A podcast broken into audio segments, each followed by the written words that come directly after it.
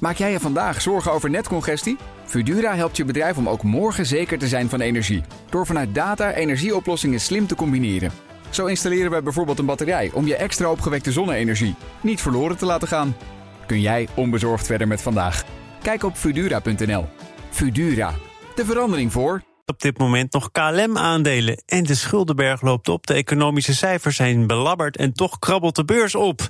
Dat en meer komt ter tafel in het uh, beleggerspanel van BNR Zaken doen. Bestaande uit Reinder Wietsma, portfolio manager bij IBS Capital Management. Lodewijk van der Kroft, partner bij beleggingsonderneming Comgest. En mijn zakenpartner van vandaag, Ilona Haier, commissaris bij Boskalis en Corbion, voormalig CEO van DSM Food Specialties. Welkom allen.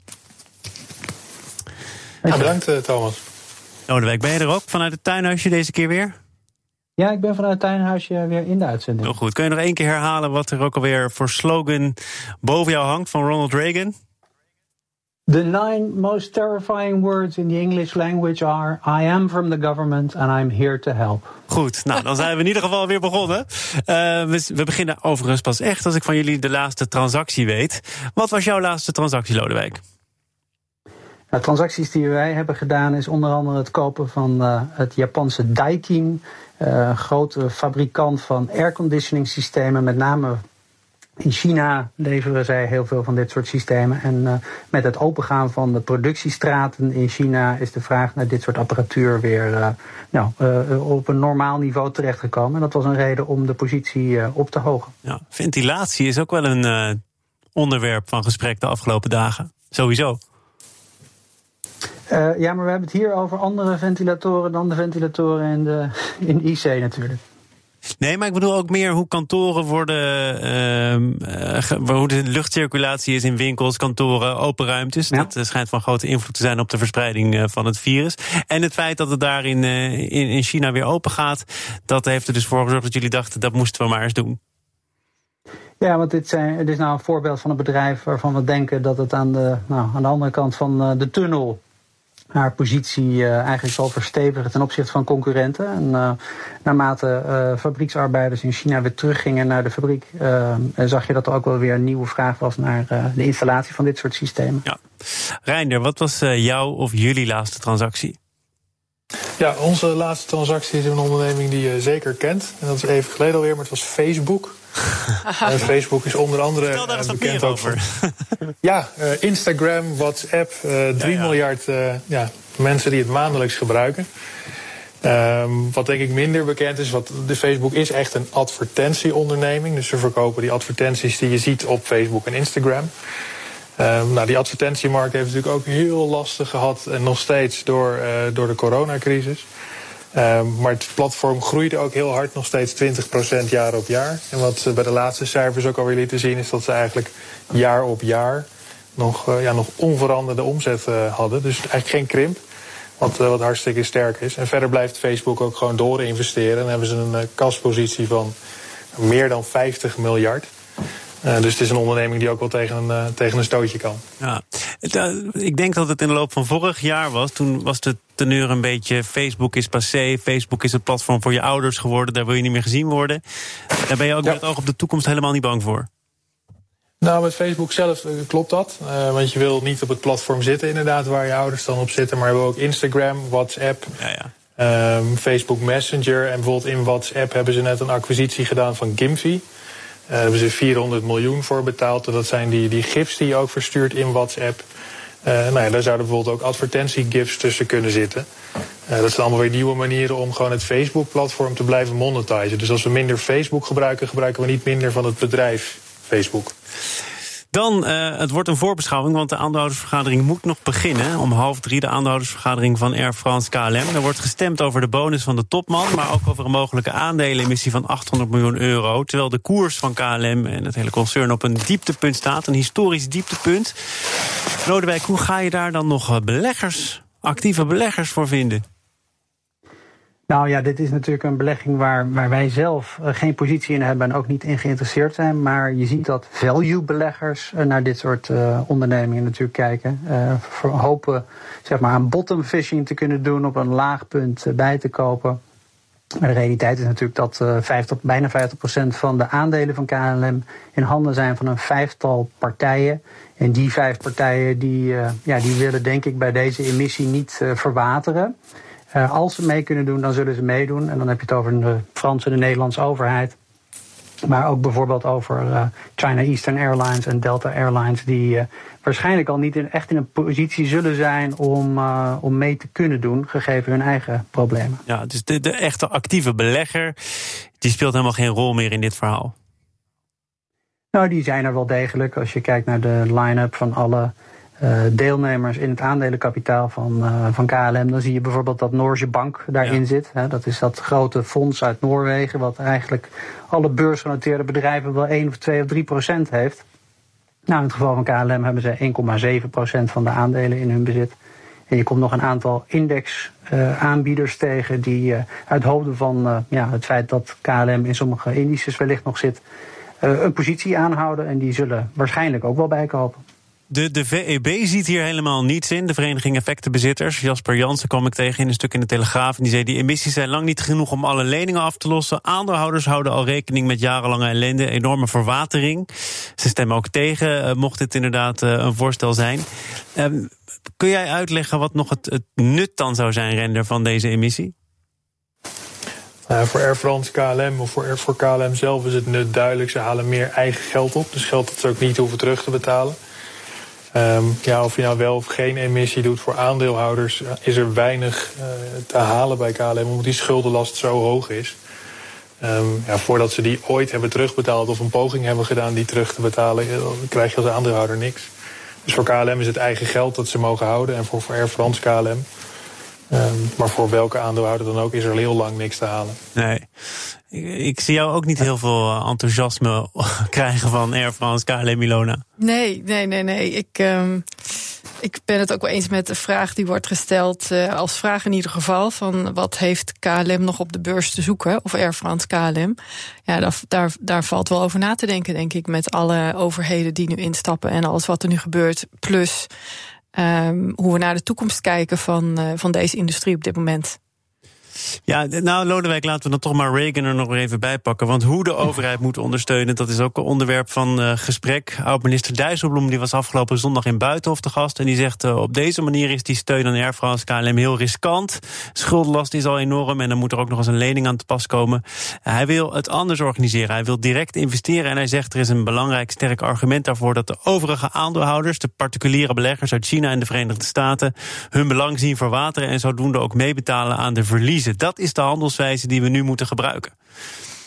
Snap je zijn punt? Nou ja, dat, ja dat, dat snap ik wel. Kijk, de marktkapitalisatie van Air France KLM is geloof ik 1,6 miljard op dit moment. Dus als je voor 800 miljoen nieuwe aandelen uitgeeft, dan uh, vindt er een behoorlijke verwatering uh, plaats. Um, en uh, ja, precies wat Reinder ook aangaf. Kijk, op het moment dat je met eigen vermogen de organisatie kan stutten, dan voorkom je dat je jezelf overlaat met schulden die je van zolang zoals zijn leven niet terug kan betalen. Dus het is niet zo heel erg onlogisch om uh, voor eigen vermogen te kiezen. Ja, je kan je afvragen of je als uh, onafhankelijke aandeelhouder nog echt uh, geïnteresseerd zou moeten zijn in een onderneming die zo afhankelijk is van, van de politiek. Ja, nou, er zijn wel meer luchtvaartmaatschappijen die nu zeer afhankelijk worden van de politiek. We begonnen dit programma met Koen Bender, die aandacht vroeg voor de staatssteun van de Duitse regering aan Lufthansa. En ook de reactie van de prizefighters, hè, de prijsvechters, uh, Ryanair, EasyJet, die zeggen: dit, dit kan helemaal niet. Hier wordt geen gelijk speelveld gecreëerd. En Reiner, dat is inderdaad wel heel ver weg. Dat is zeker waar. Het, het is ook heel ja, oneerlijk voor de partijen die jarenlang uh, geprobeerd heeft heel efficiënt te werken. En nu uh, concurrenten krijgen die gewoon in de lucht blijven ja, gehouden worden. pun unintended. Um, maar dat is, dat is oneerlijk. Ja. En dat, dat, dat zal ook heel lang zo blijven het enige argument nog voor de overheid om KLM eigenlijk ja, helemaal naar zich toe te halen, is dat ze dan later dat ook weer een keer terug zouden kunnen brengen naar beleggers. En de winst die daar gerealiseerd wordt, is dan ook voor de overheid. Ja, beetje het ABN AMRO model, maar daar wachten we ook al heel lang op. Heeft ja, dat is nu bijna gedaan. succesvol. Uh, dat is niet heel succesvol verlopen tot nu toe. Ja. Um, maar dat zou nog een, uh, een probeersel kunnen zijn. Dan is er, dat is bijna vaste prik in dit panel, ook nog uh, discussie over de bonussen van de topman. De korte termijn bonus die lijkt al zo goed als uitgesloten. Hè? Volgens mij hebben de regeringen er ook wel het een en ander over gezegd. Maar er is ook nog een bonus voor de topman. Smith voor de langere termijn een variabele beloning. Voor de ja, inderdaad eh, niet de acute situatie, maar voor de langere termijn perspectieven van Air France KLM. En er is aan Hoekstra gevraagd uh, of hij daarmee in zou stemmen of juist niet. Daar wilde hij nog niks over zeggen. Maar stel je nou voor, ook wat betreft de verhoudingen. Er zou gebeuren als Hoekstra inderdaad zegt: nee, dat kan echt niet. Maar, uh, maar bijvoorbeeld de Franse overheid zegt: nou, wij zien er wel wat in. Wat voor situatie krijg je dan, Lodewijk? Ja, ik denk dat ze dat van tevoren wel met elkaar hebben afgekaart, eh, eerlijk gezegd. Ik heb geen idee welke kant het op eh, gaat. Ik denk dat het heel lastig is om uit te leggen dat eh, de top een bonus krijgt... terwijl je toch langzaam maar zeker moet nadenken over het terugbrengen van de omvang van de organisatie. Dus het lijkt mij een onzalig plan nog steeds. Ja. maar ja, er zijn wel andere plannen die zijn uitgelekt. Dat is aan een uh, groep aandeelhouders al verstuurd. Een document voorafgaande aan de vergadering... waarin Air France KLM nu zelf de trein noemt als een alternatief voor korte vluchten. Is dat, pun intended, de vlucht naar voren, Reinder? Uh, ja, dat denk ik wel. Want uh, ze zullen natuurlijk ook heel veel geconfronteerd... of heel veel vragen krijgen vanuit de overheid over duurzaamheid. en korte afstandsvluchten lagen eigenlijk voor corona ook al heel lang onder een vergrootglas. Um, ja, en het is logisch dat ze dat omarmen. Hoe, hoe realistisch het is, weet ik niet. Um, maar ja, ik zou het ook gedaan hebben als ik hun was om uh, in ieder geval wat goodwill te kweken. Ja. Ik uh, ga met jullie naar een ander onderwerp. Zaken doen. En jullie, dat zijn Reiner Wietsma, Lodewijk van der Kroft en mijn zakenpartner Ilona Haaiert. Samen het beleggerspanel in BNR Zaken doen. De schuldenberg loopt op, de economische cijfers zijn slecht. Maar de beurs is inmiddels aardig opgeknapt de afgelopen maanden. Ondertussen wordt er druk gediscussieerd over de vraag of de beurs niet te ver voor de muziek uitloopt. Heeft de beurs een voorspellende gave of is er wat anders aan de hand? Uh, nou, misschien moeten we sowieso een onderscheid maken tussen bedrijven die het heel goed doen en bedrijven die het aanzienlijk minder goed doen. Reiner, ik las een stuk van jouw collega Hans Bedlem over uh, kwalitatief goede en kwalitatief slechte bedrijven. Ik denk dat veel aandeelhouders daarop zitten te wachten. Dat onderscheid te kunnen maken. Welk onderscheid hanteren jullie? Nou, de, basic bij ons is dat een bedrijf een competitieve positie heeft die makkelijk te verdedigen is. Dus bijvoorbeeld, we hebben het net over Air France KLM gehad. Um, de luchtvaartindustrie is zo'n industrie waar dat totaal niet het geval is. Want als ik een, een vliegticket zou willen kopen, zijn er heel veel airlines die mij dat willen verkopen. En ik zoek eigenlijk vaak naar de laagste prijs. Um, als ik een machine wil kopen om, om computerchips mee te maken, dat is wat ASML verkoopt, dan kan ik maar bij één partij terecht en dat is ASML. En die pricing power die ASML daarmee heeft, betekent ook dat ze veel winst kunnen maken over lange periodes. Uh, en dat is eigenlijk de kwaliteitsdefinitie die wij hanteren. Dus hoe makkelijk en hoe moeilijk is het om voor concurrenten om hetzelfde te doen. Dus je moet een uniek bedrijf zijn, maar ja, dat, dat, dat kan helemaal niet altijd, toch? Nou ja, er zijn er best wel veel van. Uh, maar ze zijn, ze zijn er niet heel. Ja, uh, de Googles bijvoorbeeld, Facebooks van deze wereld zijn unieke bedrijven, maar betalingsdienstverleners. Uh, ja, sterke competitieve positie. En, en het is ook onze job om daar naar te zoeken, natuurlijk. Ilona, ik zie. Nou ik, ja, ik weet niet. Ik, ik, ik betalings ATN is ja. een van de best presterende bedrijven op dit moment. Uh, ja. Uh, dus uh, ja, ik, ik, de, in nou deze tijd. Full disclosure, wij, zijn ook, wij zijn ook aandeelhouder van Adyen. Nou, ik hoop al een tijdje geleden gestapt voor jou. gelukkig wel. Ja. ja. Nou, en even voortbedurend, ik denk in zijn algemeenheid dat dat een manier is om, om, om te bepalen waarin je uh, uh, gaat beleggen. En nu komt daarbij de coronacrisis en de impact van het virus. Uh, wat ook in de toekomst nog niet weg zal zijn. En wat onze maatschappij en onze manier van leven waarschijnlijk voor een tijd gaat beïnvloeden. En dat beïnvloedt ook welke bedrijven wel en niet een bepaalde concurrentiepositie hebben. Dan wel bedrijfstakken.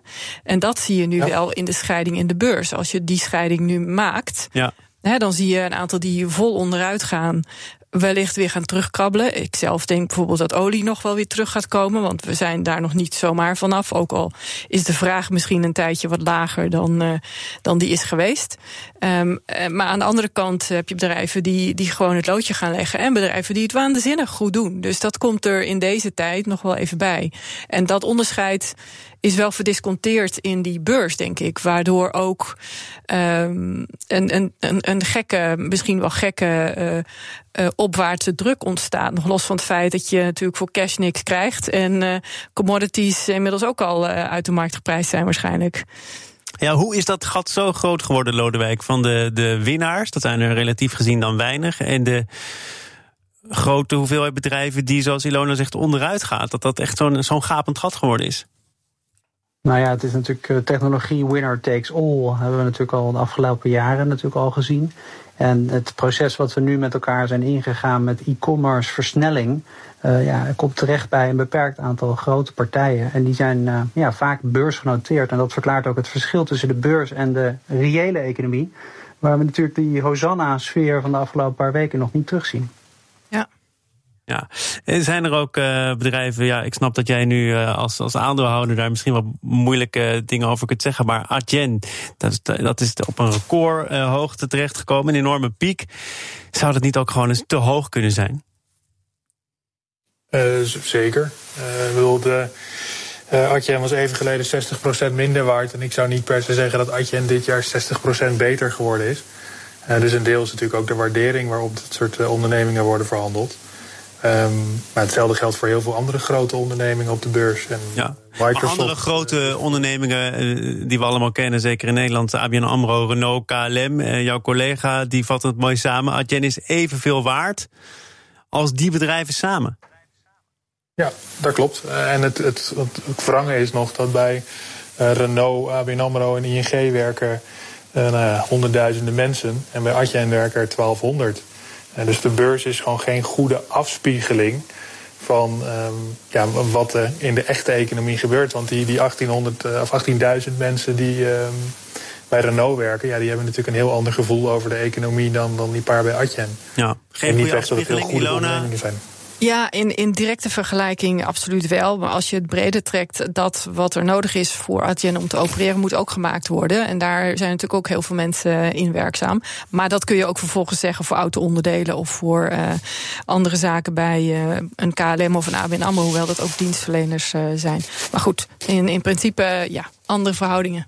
Wij sluiten dit panel af in Hongkong. De afgelopen dagen waren er eh, rellen vanwege een Chinese veiligheidswet die volgens critici bedoeld is om een einde te maken aan de autonome status van Hongkong binnen China, de protestbeweging. De beurs van Hongkong staat daardoor flink onder druk. Lodewijk, het is niet voor het eerst dat er vragen worden gesteld aan de houdbaarheid van Hongkong als een van de financiële centra wereldwijd. Is dit een nekslag?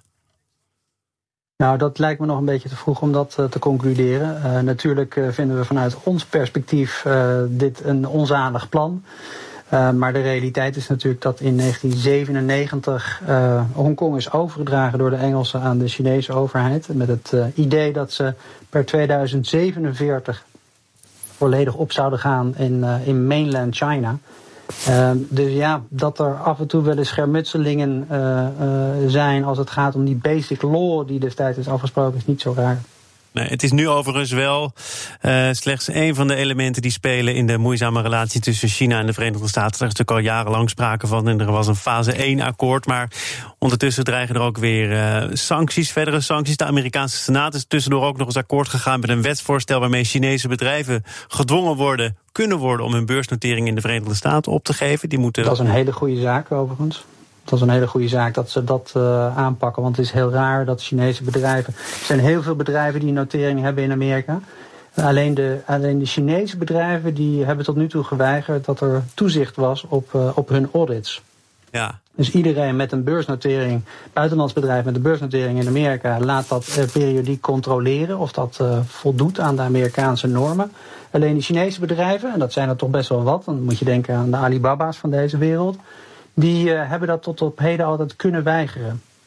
Maar ik, ik begrijp wel dat dat uh, misschien uh, een goede zaak is, maar dat, dat je steeds meer als bedrijf een kant moet kiezen. Dus of je doet zaken in en met China, of je doet zaken in en met de Verenigde Staten. Zie jij dat ook zo? Nou, als het gaat om dit onderwerp niet, want dan denk ik dat dit eigenlijk een soort van level playing field ja, bewerkstelligt, wat, wat eigenlijk alleen maar goed is. Uh, ik begrijp je opmerking over dat, dat ijzeren gordijn. Hè. Je hoort uh, termen als de Koude Oorlog, nieuwe Koude Oorlog die tussen Amerika en China zou heersen. Nou, dat is een risico. maar laten we niet vergeten dat General Motors meer auto's verkoopt in China dan in Amerika. Dus de onderlinge verwevenheid is groter dan politici vaak doen vermoeden. Ja, totdat je daar een stokje voor steekt, zoals Trump. Die heeft gezegd dat uh, de staatspensioenfondsen, de Amerikaanse staatspensioenfondsen, niet meer in China mogen beleggen. Uh, ik, ik, weet niet of dat heel veel rendement gaat schelen, maar dan steek je een stokje tegen die, die, die onderlinge verwevenheid. Ja, nou dat is dus een risico, maar daarmee uh, ja, snijdt hij ook in eigen vlees. Want uiteindelijk zijn er natuurlijk heel veel Amerikaanse partijen die ook baat hebben bij het genoteerd zijn en het zaken doen met China. We hebben het nog niet eens over Wall Street, die natuurlijk ontzettend ervan zou balen als uh, Chinese bedrijven Wall Street voortaan links zouden laten liggen. Uh, want uiteindelijk uh, zijn er heel veel technologiebedrijven natuurlijk juist naar Amerika gekomen vanuit China vanwege die rol van Silicon Valley en die brede kapitaalmarkt. Reiner, hoe kijk jij naar deze oplaaiende strijd, die eigenlijk nooit helemaal is gaan liggen, maar die toch in een wat rustiger vaarwater kwam na die eerste handtekening onder dat deelakkoord. En dan zie je nu weer verschillende zaken waar China en de Verenigde Staten totaal niet op één lijn zitten. Sterker nog, waarin ze elkaar op zwarte lijsten zetten. Ja, uh, voor, voor nu is het ook heel vaak een oorlog met woorden. Um, maar als ik een, een ondernemers of een bestuur van een onderneming zou zijn, dan is het natuurlijk wel raadzaam om eens te kijken hoe je supply chain loopt en waar je welke risico's hebt. Uh, nou, bijvoorbeeld Apple maakt nu niet meer alles alleen in China.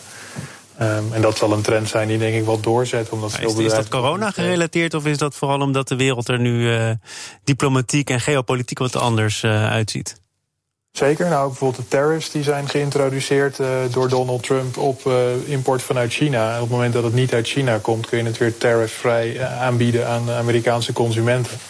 Uh, en dat is een reden om op meerdere plekken te gaan produceren, zodat je veel minder kwetsbaar bent voor ja, uh, barrières die tussen die twee worden opgeworpen. Uh, maar ook voor de, de chipsector en andere technologiebedrijven is die oorlog nog lang niet over. China is eigenlijk ook al heel lang daarmee bezig, omdat heel veel West-Westerse bedrijven zijn niet welkom op de Chinese markt. Door Facebook, Google nou komen allemaal niet voor in, in China zelf. Nee. Nou, ik vermoed daarom ook maar dat we het er nog veel vaker over gaan hebben. Onder andere met jullie. Dank voor vandaag. Reiner Wietsma, portfolio, portfolio manager bij IBS Capital Management. Lodewijk van der Kroft, partner bij beleggingsonderneming Comgest. Uitkijkend op Ronald Reagan. En wij zakenpartner van vandaag, Ilona Haier.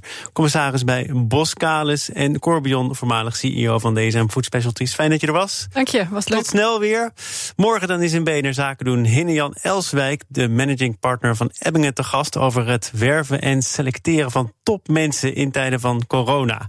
Hoe hij dat doet, dat hoor je morgen vanaf een uur of twaalf. Zometeen eerst tijd voor Nieuwsroom, onze dagelijkse podcast van het FD en BNR, gepresenteerd door Mark Beekhuis. Veel plezier, tot morgen. Maak jij je vandaag zorgen over netcongestie? Fudura helpt je bedrijf om ook morgen zeker te zijn van energie. Door vanuit data energieoplossingen slim te combineren.